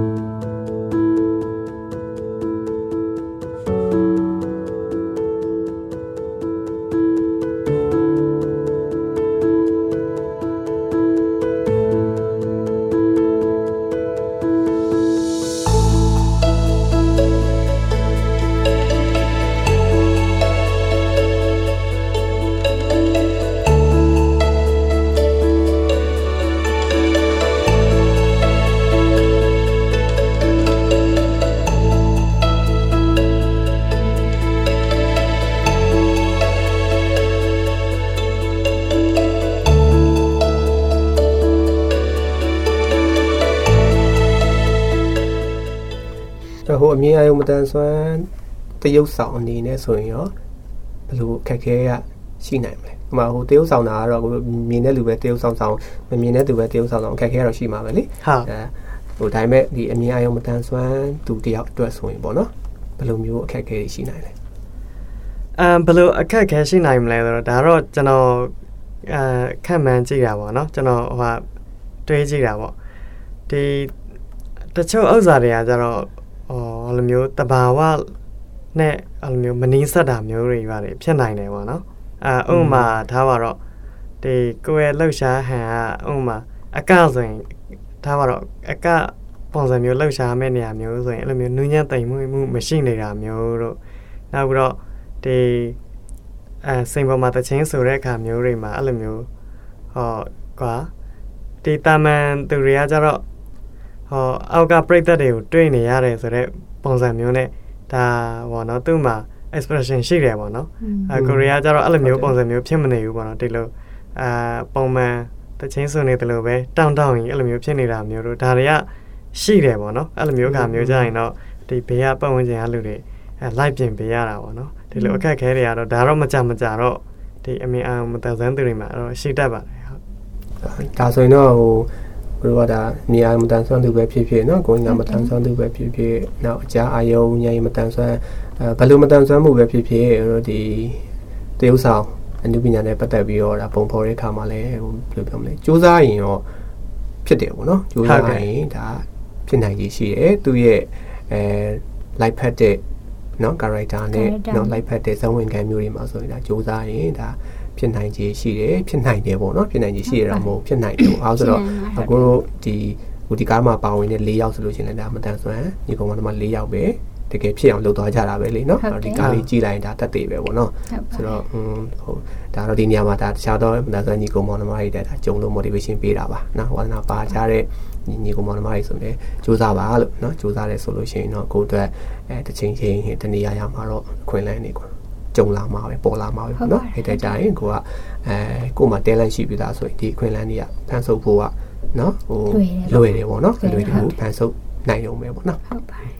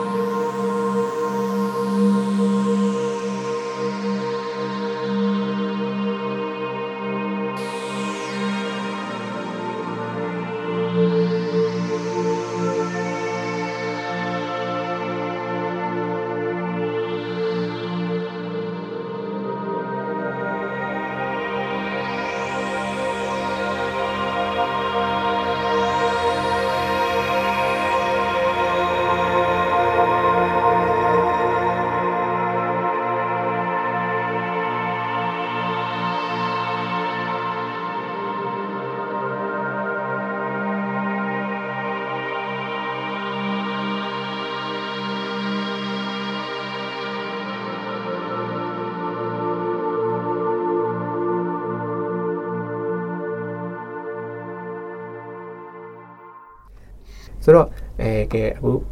မတင်အလဲကျွန်တော်ပြန်သွားလိုက်မယ်ဟုတ်ကဲ့ပါမတင်ရောထပ်ပြီးတော့အဲရှိသေးတယ်ဗျမတ်တင်ရထက်ပြီးတော့ဗာပြောချင်လဲဆိုတော့မတ်တင်တို့ဒီမတ်တင်ကတော့ဒီတစ်ခေါက်ဒီပြန်ပြီးဝေမျှခြင်းတဲ့အပိုင်းလေးကတော့ဒီကျမတို့အတင်ယူခဲ့ရတဲ့အပိုင်းလေးဝေမျှခြင်းတာပေါ့နော်ကျမတို့ဒီဇက်ကားလေးကိုရိုက်ကူးလိုက်တဲ့အချိန်မှာဘာတွေအတင်ရလဲဆိုတော့ဟဟိုတော်တော်များများပေါ့နော်တော်တော်များအတင်ရတယ်နောက်ပြီးတော့ဒီဇလန်တရုပ်ဆောင်နေဆိုတာဟိုဒီ plot လေးပြောယုံကင်မရာရှေ့မှာလုတ်ပြယုံနဲ့ မပြီးဘူးမလွယ်ဘူးဆိုတဲ့ဟာလေးရဲ့ level ဒီနေရာမှာတကယ်ကိုထဲထဲဝင်သိလဲရတာပေါ့နော်ဘာလို့ဆိုကျမတို့ရဲ့စိတ်ခံစားချက်တွေအဲ့အချိန်မှာအရေးကြီးတယ်ဘာလို့လဲဆိုတော့ကျမသိလိုက်တာဘာလို့လဲဆိုတော့ကျမတို့ဒီ happy ဒီ coffee shop လေးမှာရိုက်တဲ့အချိန် manager နဲ့ဒီချစ်စုလေးနဲ့ပြောတဲ့ဟာတွေကိုလည်းကိုယ်စိတ်ထဲမှာသိတယ်ကိုရီးယားအဲ့ဒီအဲ့ဒီမြန်မြန်ပြီးကျင်တဲ့စိတ်ကအရန်ကိုရီးယားစိတ်ထဲမှာကြီးစိုးတယ်ကွာအဲ့အချိန်မှာမှန်တယ်ပြောရရင်မြန်မြန်ပြီးကျင်လေးကိုယ့်ရဲ့ဒီမူကထည့်မရလေအဲအဲခလို့ဖြစ်လေဒီ sing တွေကခဏခဏပြန်ရဲရတယ်ပေါ့နော်ဒီလိုမျိုးဟာမျိုးတွေကြုံတွေ့ရတယ်ဒါကြောင့်မလို့ဒီအာတရုပ်ဆောင်တဲ့သူရောဒီဒီအပိုင်းမှာဟိုကိုပြည့်ဆိုတဲ့ writing လုပ်ပြရတာအောင်နော်အဲ့လိုမျိုးလုပ်ရတဲ့သူရောဒီစိတ်ပိုင်းဆိုင်ရာမှာဒီအရန်ကိုဒီဟိုမျိုးကမလဲဟို အဲ့လိုအနှောက်အယှက်ဖြစ်လို့ရှင်မှုသွင်းရတာအရန်ခက်တယ်ပေါ့နော်အဲ့အဲ့ဒါကိုပဲစူးစမ်းပြီးတော့ကိုရီးယားအဲ့ဒီစိတ်ကိုဖျောက်ပြီးတော့ဘယ်လိုပြန်လုပ်ရမလဲဆိုတဲ့ဟာလေးတွေလည်းဒီဒီကိုရီးကိုအနီးကဲဟိုဘေးကနေပန့်ပိုးပြီးတော့ကူညီပေးနေတဲ့မနွေးပေါ့နော်အဓိကမနွေးကအဲမတင်အဲ့ဒါတွေကိုစိတ်ထဲမထားနဲ့ အဲ့ဒါစိတ်ထထားလို့ရှိရင်မတင်တို့တကယ်ဒီကင်မရာရှိရောက်တဲ့ခါကျအဲ့ဒါကြီးကပေါ်နေလိမ့်မယ်ဒါမျိုးလေးတွေပြောပြစိတ်ဖြေဘယ်လိုပုံစံနဲ့ကိုဒီဟာကိုစိတ်ဖြေရမလဲဆိုတာလေးတွေသင်ယူခဲ့ရတယ်ပေါ့နော်အာနောက်တစ်ခုကကျတော့မတင်ဒီ make up ဘိုင်းပေါ့နော်ကိုကဒီနေရာမှာ role နှစ်ခုယူတာကိုသူကကိုကတရုပ်ဆောင်တဲ့ဘိုင်းရောဒီ make up တွေဒီအဝတ်အစားဟိုမတန်ဆန်းသူတယောက်ဒီအဝတ်အစားလေးဝေးရပါညာအဲ့လိုမျိုးလဲကိုကကြည့်ပေးရတာဆိုတဲ့ခါကျတော့ အဲ့ဒီ make up ဘိုင်းမှာလည်းပဲဟိုတမန်ကြည့်ချင်းအဖြစ်တော့အဲငါသူ့ make up ပြင်ပြီးလိုက်ရင်ပြီးပြီပေါ့ဒါပေမဲ့မဟုတ်ဘူးပေါ့နော်ဒီဟိုစင်တစ်ခုနဲ့တစ်ခုကြားထဲမှာဒီဥမာသပင်ကငါဘေးခွဲပေးထားတာဘေးခွဲပေးထားတာမှတိတိပပတေချာဖီးထားတာလားဒါဆိုရင်ဒီတစင်းပြီးလို့ဒီကာရတာသူ့ရဲ့လှုပ်ရှားမှုအရာသူဥမာပူလာလို့ချွေးပြန်လို့ချွေးတုပ်လိုက်တယ်ဆိုရင်လေဒီသပင်ပုံကပြန်ပြက်သွားသေးအောင်နော်အဲ့ဒါတွေလေဒီ make up ဆရာလိုက်ကြည့်ရတာလိုက်ကြည့်ပြီးတော့သူ့ကိုတစ်ချိန်လုံးလိုက် ပြင်ပေးနေရတာပေါ့နော်ကိုအရင်တော့သိထားတဲ့အသည့်အကိုပြဟာငါ make up ဒီတယောက်ကိုပြင်ပေးလိုက်လို့ရှင်ရိုက်ပြီတနေ့လုံးရိုက်ပြီလို့စိတ်ထဲမှာထင်တာနော်အဲ့လိုမဟုတ်ဘူးပေါ့နော်တစင်းပြီးရနဲ့အဲ့ချိန်မှာဘာဘဒူရီစီကဒီအတင်ရလဲဆိုတော့ဒီဒီဘာနော်ဒီရန်ကုန်ရုပ်ရှင်ကျောင်းကနေပြီးတော့ပန့်ပိုးပြီးတော့လာပြီးကူညီပေးတဲ့မောင်လေးညီမလေးပါတယ်ပေါ့နော်သူတို့တွေကနေအမအဲ့ဒါတွေကလေချွေးပြန်သွားပြီစပြန်ဒီလိုကြာနေအမအဲ့ဒါလေးတော့ပြင်ပေးမှရမယ် အမှန်တိုင်းဆိုကိုကိုကိုဆိုပြင်ရန်ကောင်းမှန်းတော့မသိဘူးဘာလို့လဲဆိုတစင်းနဲ့တစင်းအဲ့လိုညီနေရမယ်ဆိုတော့မန်နွေးစီကစာရီတော့တင်ခဲ့ရတယ်အဲဒီဇက်ဝင်ကန်ထဲမှာဒီလိုစပင်ဖိထားရင်ဒီလိုပဲဖြစ်ရမယ်အင်ကြီးခောက်ထားရင်အင်ကြီးကခောက်ထားမယ်ဒါမှမဟုတ်အင်ကြီးလေးကိုညာဘက်ပခုံးပေါ်မှာတင်ထားလို့ရှင်နောက်ဇက်ဝင်ကန်မှာလည်းညာဘက်ပခုံးမှာတင်ထားဒါကိုစာရီတော့တကယ်တင်ခဲ့ရတယ်ဒါပေမဲ့လက်တွေ့ကြတော့ကိုရီးယားအဲ့ဒါကိုအာယုံမရဘူးမရတော့ဟုတ်တယ်ဒါတကတကယ်ကြုံခဲ့ရတာပေါ့နော်ဆိုတော့အဲ့ဒီမှာအဲ့ဒီရဲ့ညီမလေးသာမပါဘူးဆိုကိုရီအလွဲနဲ့တော်တော်လဲနေမှာဟုတ်တယ်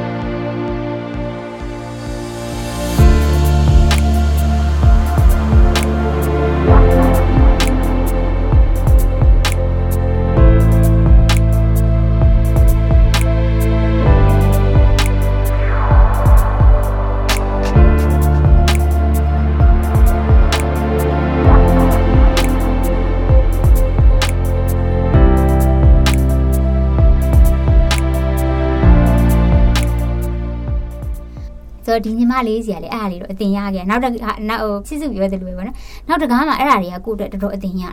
နောက်တကားကျတော့ကိုတွေကိုအဲ့လိုသိပြောပေးကြမလို့တော့ကိုကိုရန်ဒါပြီးသွားလို့ရှိရင် तू ဘာမူရပြစ်သွားပြီလို့ဆိုတော့ကိုတန်းကြည့်နိုင်သွားတာပေါ့နော်အဲဒါဆိုလို့ရှိရင်ဒါ तू ဘာပြန်ပြင်ပေးရမယ်ဆိုကိုသိသွားတာပေါ့နော်အဲ့ဒီအပိုင်းလေးတွေတော်တော်အတင်ရခဲ့တယ်ပေါ့အော်နောက်တစ်ခုကကျတော့မတင်တော့တစင်းနဲ့တစင်းဟိုရိုက်ပြီဆိုလို့ရှိရင်ဘယ်စင်းကက်လေးတွေကတော့ကောင်းတယ်ဆိုတာမျိုးပေါ့နော်ကျတော့ဒီအဖွဲ့သားတွေအကုန်လုံးကဘယ်သူကဘယ်လိုယူထားတယ်ဆိုပေမဲ့ဟိုဒီလူနည်းနည်းလေးနဲ့ဒီဒီ project ဒီတစ်ခုလုံးကိုလုံးဆောင်ရတဲ့ခါကျတော့တစ်ခါလေးကျလူအင်အားမမျှကြီးဖြစ်တယ်ဖြစ်တော့သူယူတဲ့ role ကိုကိုကောက်ပြီးတော့ယူရတဲ့အပိုင်းတွေလည်းရှိရပါတော့အဲ့လိုမျိုးဆိုတော့အဲ့လိုမတင်လို့ဆိုရင်ဟိုတစ်ခါတလေကြာရင်လေဒီဇက်ကားကိုကြည့်ပြီးတော့မျောသွားတော့ဟိုတကယ်မှတ်မယ်တော့မှတ်မိရလဲရှိရလေအဲ့အစဉ်အာဒီနီးနေတဲ့လူတိနေတဲ့လူကပြန်ကောက်မှတ်တယ်ပေါ့နော်ဒါမျိုးလေးတွေလည်းမတင်လို့ကြီးအတင်ရတယ်ပေါ့နော်ဆိုတော့ဟိုမတမ်းမှတ်တာတွေတကယ်ပေါ့နော်အဲ့ဒါလေးတွေကကလက်ရိုက်တာတွေကလက်ရိုက်တာဆိုလဲဟိုဇ စိတ်ထဲမှာလေ5 4 3 2 1 action ဒါတိတ်လွယ်ရနော်တကယ်တကယ်လုံးတဲ့ခါကျတော့လေအဲ့ဒါကိုတက်အောင်អော်ဖို့ကိုမနေပါနော်တော်တော်လေးကိုဒါဟုတ်တယ်ဟိုဒီစင်စင်ဝမ်စင်ဝမ်ကတ်ဝမ်တိတ်တိတ်ဘလောက်တိတ်ဘလောက်ဒီလဲအပြည့်အဲ့ဒါလေးကြိုင်သွားပြီးတော့လူကသွားရောပေါ့နော်အဲ့လိုမျိုးလေးတော်တော်လေးဒီဟာလေးတွေကဒီတာမန်ကြည့်ဒီတိုင်းကြည့်လိုက်လို့ရှင်တော့အော်လွယ်လွယ်လေးပဲသူတို့လုပ်နေတာငါလည်းလုပ်နိုင်မှာတော့တွေးကောင်းတွေးမှာပေါ့နော်ဒါပေမဲ့ မဟုတ်ဘူးပေါ့နော်တကယ်ကိုဒီလက်တွေ့မှာဒီဟာတွေကလွယ်မနေဘူးဆိုတာလေးကိုအဲ့ဆက်ကမှာဟိုကောင်းကောင်းကြီးကိုတွေအတင်ရတာပေါ့နော်နောက်တစ်ခုကအဲ့လိုပဲပေါ့ဟိုဒီမက်တင်တို့ဒီရိုက်တဲ့ဇက်ကားလေးတွေကကြတော့တာမန်အပြင်က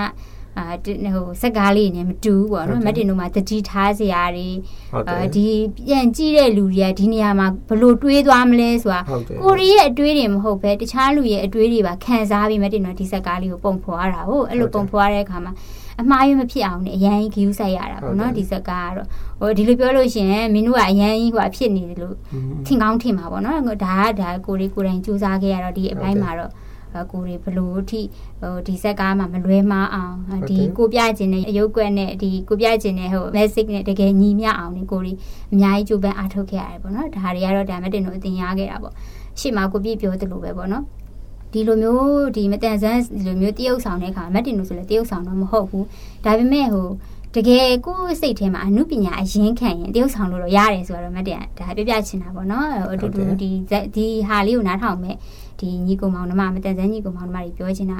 နောက်ပိုင်းဆိုလို့ရှိရင်လည်းအခုနောက်ပိုင်းဆိုတော်တော်လေးလဲဟိုဟာလေးတွေကဘယ်လိုမျိုးခေါ်မလဲဒီမတန်ဆန်းပုံမှာမြင်တဲ့အမြင်နေမီဒီယာရဲ့အမြင်နဲ့တော်တော်လေးပြောင်းလဲလာပြီ နောက်ပိုင်းမှာတကယ်မတန်ဆန်းဇက်ကောင်တွေကိုထည့်ရိုက်လာတဲ့အခါကိုယ်တွေခွန်လန်းရစေခြင်းတယ်ပေါ့နော်။အားကြောင့်မလို့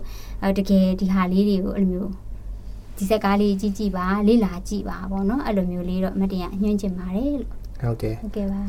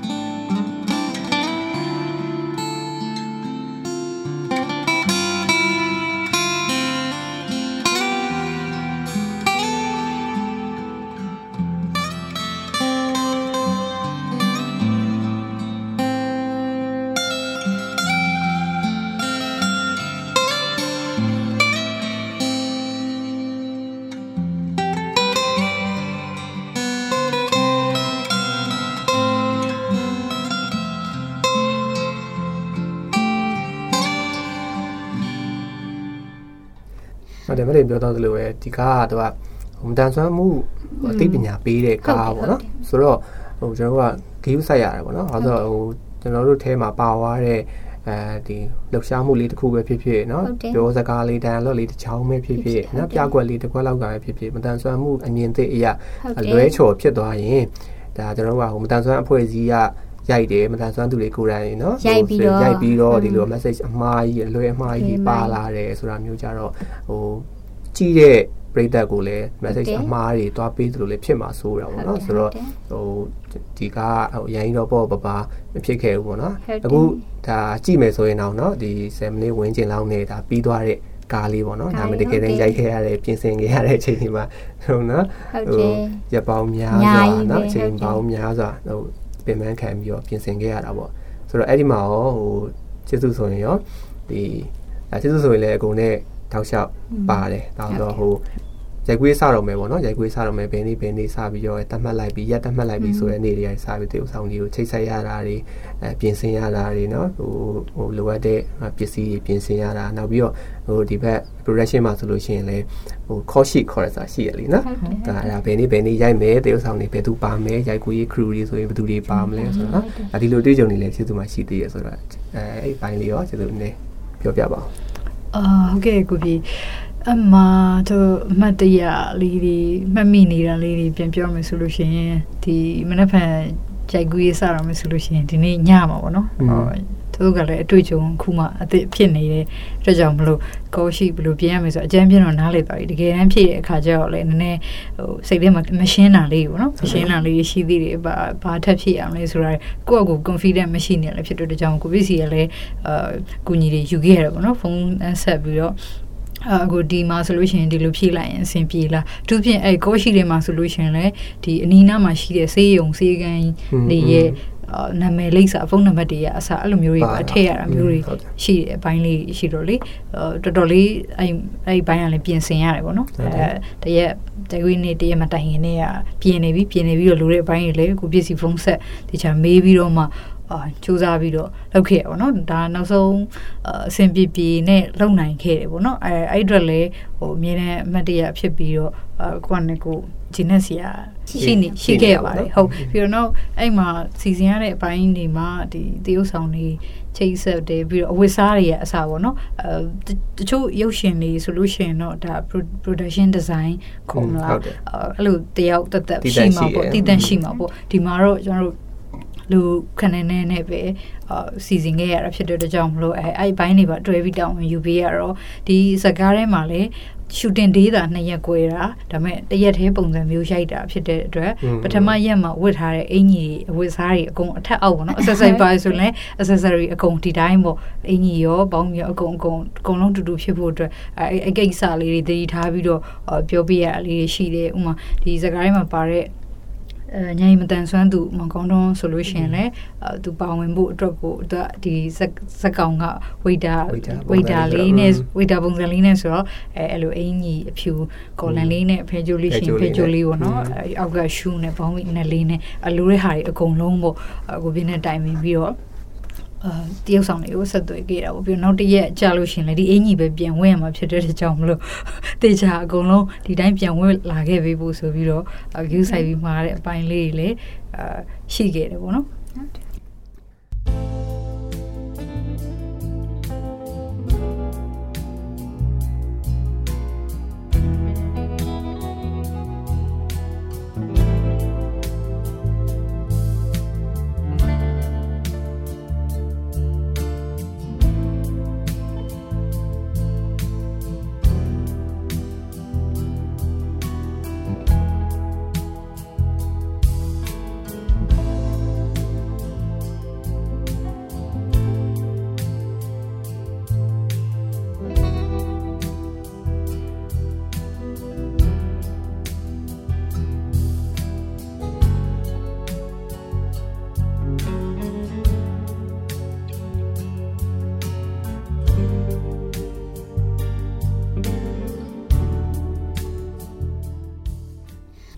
ပြီးတော့ဘာရှိအောင်မလဲ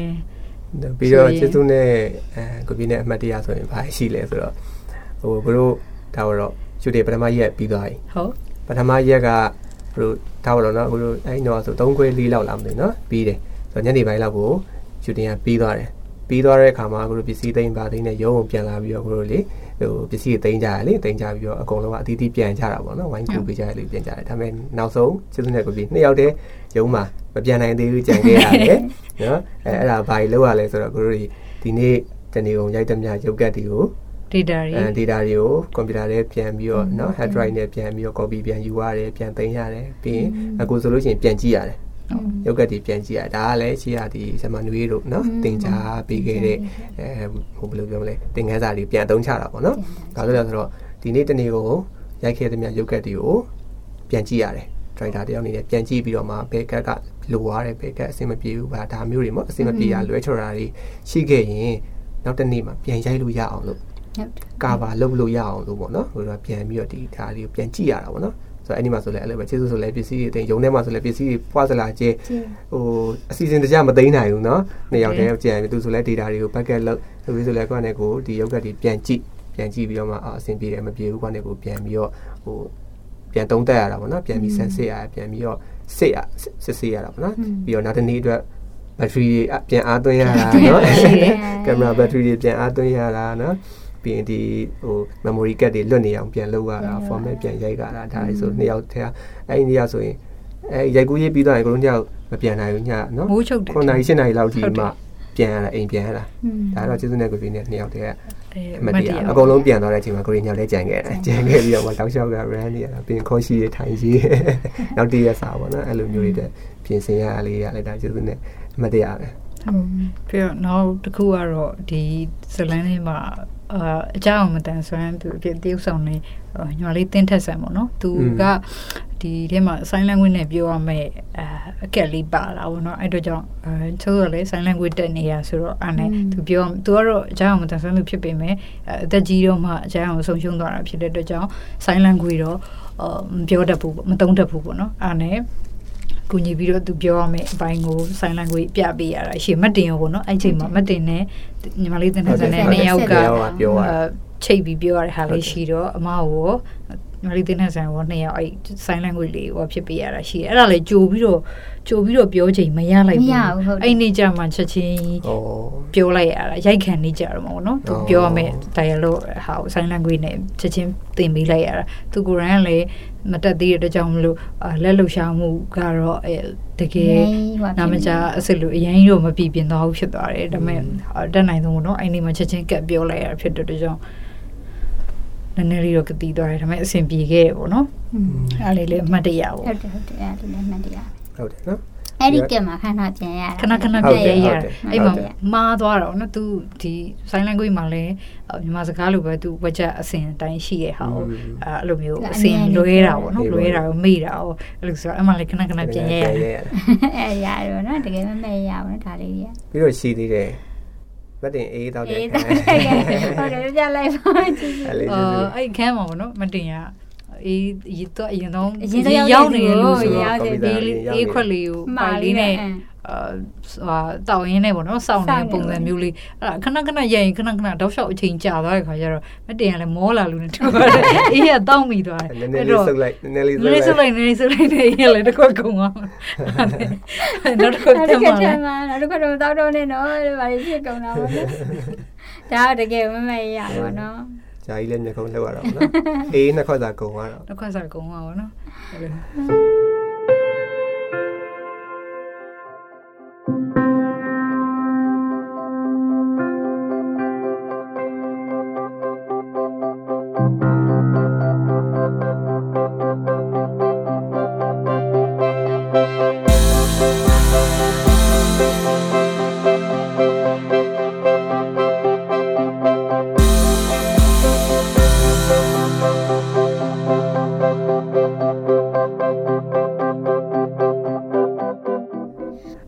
ဟုတ်ပါပြီအဲ့တော့ဒီနေ့ဒါအစီအစဉ်လေးမှာဒီမတန်ဆန်းညီကောင်မောင်နှမ၄ယောက်ရဲ့နော်အတွေ့အကြုံလေးတွေအာဒီကားနဲ့ပတ်သက်ပြီးတော့ခန်းစားချက်တွေနောက်အလွဲတွေရေးစရာတွေအဲဒါအများကြီးပြောသားခဲ့ပြီးပြီဆိုတော့အာနာဆင်နေကြတဲ့မိတ်ဆွေတွေလည်းဘာဖြစ်ဖြစ်ဟိုကျင်းနေကြလိမ့်မယ်ပြီးတော့ဟိုတစ်ခုခုပေါ့နော်တော့ရင်းထဲမှာတစ်ခုခုလေးကြံသွားခဲ့မယ်ဆိုရင်ဟိုကျင်းနေပါပြီနော်အဲ့တော့ ဒီအခုပေးထားတဲ့ YouTube link လေးမှာလည်းဒီကားလေးကိုသွားပြီးတော့ကြည့်ရှုပေးကြပါဦးကြည့်ရှုပေးကြပြီးတော့ဒါကျွန်တော်တို့ရဲ့အာကြိုးစားမှုပေါ့နော်အဲဖန်တီးမှုလေးတွေကိုအားပေးကြပါဦးအဲဝေဖန်ပေးကြပါဦးလို့နော်ပြောချင်ပါတယ်အဲ့တော့နောက်ဆုံးအနေနဲ့ပေါ့နောက်ဆုံးအနေနဲ့ရောတယောက်ချင်းစီရနေပေါ့ဟာနှုတ်ဆက်စကားပဲဖြစ်ဖြစ်ပေါ့နော်ဗာလေးတွေများပြောချင်သေးလဲอืมဒီနောက်ဆုံးအနေနဲ့ဆိုတော့မတင်ရကိုပြည့်ကိုဒီညမှာချီးကျူးချင်တာပေါ့နော်ချီးကျူးချင်တယ်ဆိုတာဘာလဲဆိုတော့ ကိုပြည့်ကအမှန်တိုင်းပြောရလို့ရှိရင်ဒီမတန်ဆွမ်းမှုမှာမတင်လို့မဟုတ်ဘူးပေါ့နော်ဒီ brace တစ်ဖက်တုံထားရတယ်မတန်ဆွမ်းသူပုံမှန်ဆိုရင်ကိုပြည့်ရဲ့မတန်ဆွမ်းမှုအရာကိုပြည့်ကဟိုမျိုးကမလဲရမ်းမတက်ရက်တဲ့ကိစ္စတွေပါတိတ်လှုပ်လို့မရှိဘူးပေါ့နော်ဟုတ်တယ်ဒီစက်ကားလေးမှာတော့ကိုပြည့်ရဲ့ role ကသူက directing role ဆိုတော့တနေ့ကုန်ရက်ရရက်ရတာပေါ့နော်နှစ်ရက်လုံးပေါ့နော်ဟိုထိုင်တဲ့ scene ဆိုတာတော်တော်ရှားပါတယ်ဘာဖြစ်လို့ကိုပြည့်ကမဒီထိုင်ခဲ့ရမထိုင်ခဲ့ရဘူးပေါ့နော်ဘာဖြစ်လို့လဲဆိုတော့ तू က ဒီဟိုပါဒီကင်မရာမန်နဲ့ကိုပြေးနေတာလုံးဝတသားတည်းနေပြီးတော့မှဒီကိုလိုချင်တဲ့ရုပ်ကက်ကိုရိုက်ခဲ့ရတာဆိုတော့အဲ့နှစ်ရက်လုံးမှာကိုပြည့်ကိုတတိထားမိရတခုကတော့ဟိုတော်တော်ကြီးကိုအဲ့ဒီနှစ်ရက်လုံးအပင်မန်းခံခဲ့တယ်လို့အဲ့နှစ်ရက်လုံးမှာမြင်တယ်နောက်တစ်ခုကကျတော့ဟိုအဲ့နှစ်ရက်လုံးမှာလဲဟိုကိုပြည့်ကိုကြည့်ရင်ဟိုဟိုပင်တော့ပင်မန်းနေဒါပေမဲ့ဟို ကိုပြည့်စီမှာဘယ်မျိုးခေါ်မလဲပင်မန်းနေမယ်ဟိုဒီအလုပ်ပေါ်မှာတကယ်ဟိုစိတ်ဝင်တစားနဲ့ဟိုဒီပေါ်မှာလေးလေးဆဆလုပ်နေတဲ့ဟာလေးကိုလေဟိုမက်တင်တို့ဒါမက်တင်တို့ဆိုဘေးကနေကြည့်ပြီးအတင်ရတာပေါ့နော်ကိုရီးယားပြောရမယ်ဆိုလို့ရှိရင်မှန်တယ်ပြောလို့ရှိရင်ကိုရီယူတဲ့ role ကနည်းနည်းပေါ့တယ်ကိုပြည့်ဆိုလို့ရှိရင်ဒီ crew တွေအားလုံးရဲ့ဟိုမျိုးခေါ်မလဲခေါင်းဆောင်လူလည်းဖြစ်တာပေါ့နော်။ဘာပြီးရင်တော့ဘာလို့ရမယ်ဆိုလဲပြန်ညွှန်ကြားရတယ်။ဒီဘက်မှာဒီရုပ်ကက်တွေအဆင်ပြေအောင်လို့ဒီကင်မရာနဲ့ညှိပြီးတော့ကင်မရာမန်နဲ့ညှိပြီးတော့မှ ဟိုစီစဉ်ညွှန်ကြားရတဲ့အပိုင်းတွေရိုက်ကူးရတဲ့အပိုင်းတွေလည်းရှိရောအဲ့နှစ်ရက်လုံးတော့ဟိုဒီမနှွေးနေတော့ပြောပြတယ်ပေါ့နော်ကိုပြည့်တာရဲ့မပြောပြဘူးပေါ့နော်အဲ့မနှွေးနော်ကိုပြည့်တော်တော်ဒီအပြစ်မန်းခံနိုင်နေပါဆိုတော့ညီမတို့သိရသလောက်ဆိုရင်ပေါ့နော်ကိုပြည့်ကသူရဲမဲ့လို့တော့တိတ်မလို့ဘူးရုံးပါဆိုသူကလည်းသူညင်ညင်သားလေးထိုင်ပြီးလုံးလေးရှိရသူပေါ့နော်ဒါမျိုးလေးပြောပြကြတယ်ပေါ့နော်ဟိုနောက်ပြီးအဲ့ဒီမှာပါလာတဲ့ crew ကိုရီယိုလာကူတဲ့ဒီရန်ကုန်ရုပ်ရှင်ကျောင်းကကလေးလေးဆိုလဲဟိုကိုပြည့်ကိုချီးကျူးကြတယ်ပေါ့နော်အဲ့တော်တယ်ပေါ့နော်ကိုပြည့်ဒီတန်ဆွမ်းမှုရသူ အဲ့လိုလုပ်တယ်ပေါ့နော်ကိုပြည့်နောက်ရက်တွေတော့ဒီပင်ပန်းမှုကိုဘယ်လိုဆက်ပြီးဖြည့်ရှင်းလဲတော့မသိဘူးနှစ်ရက်မှာတော့ဒီဟိုမတင်တို့အနေနဲ့ဆိုလေကိုရင်ပင်ပန်းနေဆိုရစိတ်ကိုမရေရွတ်မိဘူးကိုပြည့်ကြည့်ပြီးဒါဒါအမှန်တိုင်းပြောတာပေါ့နော်ဟာငါတို့ပင်ပန်းတာကိုပြည့်ဘယ်မိအောင်မလဲပေါ့နော်ကိုပြည့်ဆို break ကြီးအဲ့လိုတစ်ချိန်လုံးတက်ပြီးတော့အဲ့လိုတနေ့ကုန်တနေ့ကန်းပင်မန်းတာပေါ့နော်အခုချစ်စုလေးနဲ့ကိုပြပြောတဲ့ဒါဆိုလို့ရှိရင်ဒါမက်တင်တို့မသိတဲ့နောက်ွယ်အဖြစ်ပြက်တွေည9နာရီထိနေရတယ်တော့ဘာလို့ဆို ဒီလောက်အထိပင်ပန်းပြီးတော့ပေါ့နော်လှုပ်ခဲ့ရတာပေါ့နော်ဒါကတကယ်တော့မလွယ်ကူဘူးဆိုတာလေးရဲ့ဟိုကိုယ့်ရဲ့မတန်ဆွမ်းမှုအရာတကယ်သာစူးစမ်းအထုတ်ခြင်းစိတ်ရှိလို့ရှိရင်ဒါတွေကကြော်လွှားနိုင်တယ်ဆိုတာလေးကိုဒါပြပြချင်တာပေါ့နော်အဲ့လိုပြပြချင်တာပါလို့ဟုတ်ကဲ့ပါဟုတ်တယ်အဲ့တော့ဟာလဲလေဟိုကိုလည်းဟိုဘယ်လိုလဲဇောကတ်နေလို့တော့မသိဘူးပေါ့နော်ပြီးတော့ဒီဒီအနုပညာအလုပ်တွေဆိုတာလဲကိုကိုဒါအလုပ်ချင်တဲ့အလုပ်ဖြစ်တော့လေအဲ့တော့ဟို အမှန်တိုင်းဆိုရင်တော့ဟုတ်တယ်မတင်ပြောသလိုပဲဟိုပြတောင်းတောင်းကအလိုမတက်အကြာကြီးရက်ရတဲ့အခါမျိုးကြီးမှာအဆင်မပြေဘူးအဲအဲ့လိုရက်လေးရှိတဲ့အလုပ်မျိုးတွေလည်းမလုပ်အောင်ရုံးမှဆိုလည်းအထိုင်မဲများတာပေါ့နော်အပြင်တွေပါသွားတဲ့အခါမှာဆိုရင်လည်းတောင်းတောင်းကအဲ့လိုမတက်အချိန်ကြာကြီးရက်ရတာတိတ်မရှိဘူးဆိုတော့လေအဲ့လိုအချိန်ကြာကြီးရက်ရင်လည်းတကယ်ဟိုပင်မနေခြေထောက်တွေဆိုညောင်းတယ်လေဘာလို့ဆိုတော့ဟိုပြေကကြတော့ဟိုတစ်ဖက်ကကောင်းနေတယ်တစ်ဖက်ကကောင်းတယ်တစ်ဖက်ကတော့မတန်ဘူးပေါ့နော်ဆိုတော့ break အဲ့ မတန်တဲ့ဘက်ကခုနပြောတဲ့ break တက်ထားတယ်အဲ့ဘက်ကကျတော့သူကဟိုထောက်တယ်အားပြုတယ်ဆိုလောက်လေးပဲရတာထောက်တယ်ဆိုလောက်လေးပဲပေါ့နော်လဲမသွားအောင်ထိန်းထားပြီးရဆိုတဲ့အထိန်းလေးပဲဖြစ်တာပေါ့တကယ်တမ်းမတ်တက်ရက်နိုင်မှုတော့ကတစ်ဖက်ကကောင်းတဲ့ခြေထောက်ကလုံးဝအားပြုထားတာအဲ့တော့ဟိုတနေကုန်ရက်တဲ့အခါမှာအဲ့ကောင်းတဲ့ခြေထောက်ပေါ်မှာဝင်ပြီတာပေါ့နော်ဆိုတော့အဲ့ တနေ့တာရိုက်ကူးရေးပြီးတော့လို့အိမ်ပြန်ရောက်ပြီးလုံးဝစိတ်လျှော့ပြီးနားလိုက်ပြီးဆိုရင်အမှခြေထောက်တွေကြိုက်လာပြီပေါင်းနေညောင်းကြိုက်တယ်ဒါပေမဲ့ဒူးကောင်းနေနားတယ်အဲဆေးလိန်ဆေးတော့နောက်တနေ့ရှိသေးတယ်ဆိုရင်အာပြန်မွေးရတာပြန်မွေးပြီးမှအာနောက်တနေ့မနေ့ကလည်းဂုံယုံထားပြီးအာလှုပ်ပေါ့နော်ဆိုတော့အဲ့ဒီနှစ်ရက်တာအတွင်းကတော့ဒါခုနပြောသလိုဇောကတ်နေလို့လာတော့မသိဘူးအရန်ကြီးကိုကိုလေးပင်မနေလို့တော့မထင်မိဘူးပေါ့နော်ဒါပေမဲ့အဲ့နှစ်ရက်ပြီးသွားပြီးနောက်ပိုင်းဟို အဲ့ဒီပိုင်းရောက်သွားတဲ့အခါမှာတော့စိတ်ကပေါ့ပပလေးဖြစ်သွားတဲ့အခါကျတော့မှလေလူကပိန်သွားတယ်လို့လို့ပိုင်းပချောင်းနှချောင်းကြီးကျသွားတယ်လို့လို့မျက်ကွင်းကြီးမဲနေတယ်လို့လို့တဲ့မလားအဲဟိုဟိုနားကိုက်လိုက်ခြေထောက်တွေကိုက်လိုက်လက်တွေကိုက်လိုက်နေအမျိုးမျိုးဖြစ်တော့တာအဲအဲ့နောက်ပိုင်းကျတော့မှလေဆိုတော့ဒါကဟိုကိုကိုတိုင်ကလည်းအမှုပညာကိုလှုပ်ချင်တဲ့စိတ်လည်းပါတယ်ပြီးတော့ဒီကျုံကနေရုံကြီးကြီးနဲ့เนาะဒါပထမအဦးဆုံးတာဝန်ပေးတဲ့အလုပ်လည်းဖြစ်တဲ့အခါကျတော့ဟိုတာဝန်ကျေခြင်းတဲ့စိတ်လည်းပါတာပေါ့ဒါအကြောင်းနဲ့အဲ့လိုမျိုးဇောကက်ပြီးလှုပ်ဖြစ်သွားတာပေါ့နော်ဟုတ် Thank you.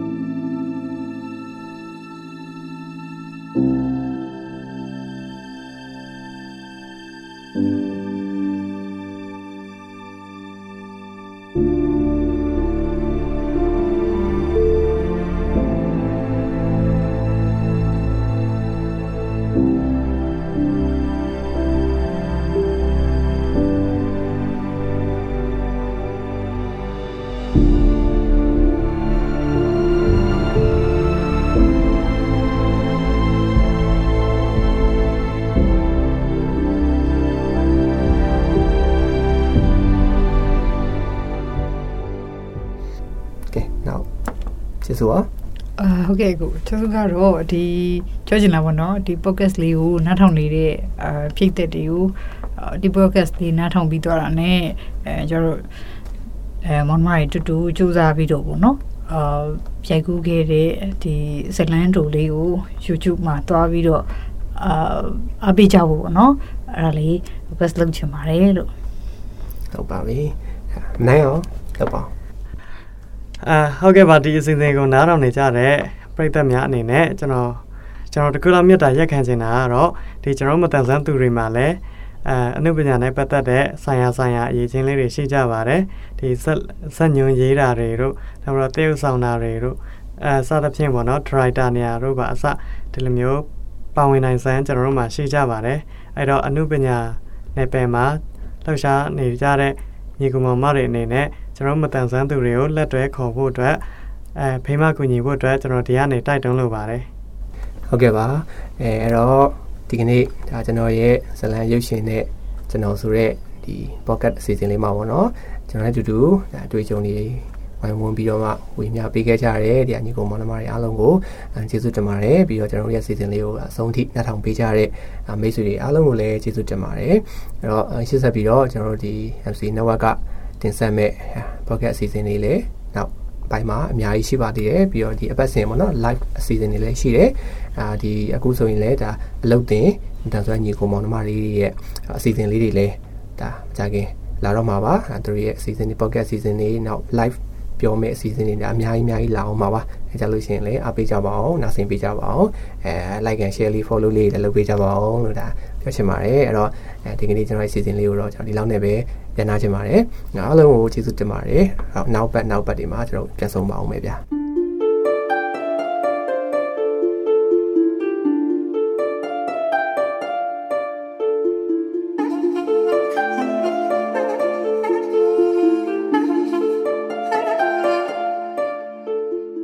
ယခုအစီအစဉ်ကိုမိတ်ဆွေတို့အနေနဲ့အစအဆုံးနားထောင်ပြီးပြီဆိုရင်တော့မိမိတို့ရဲ့သဘောထားမှတ်ချက်များကို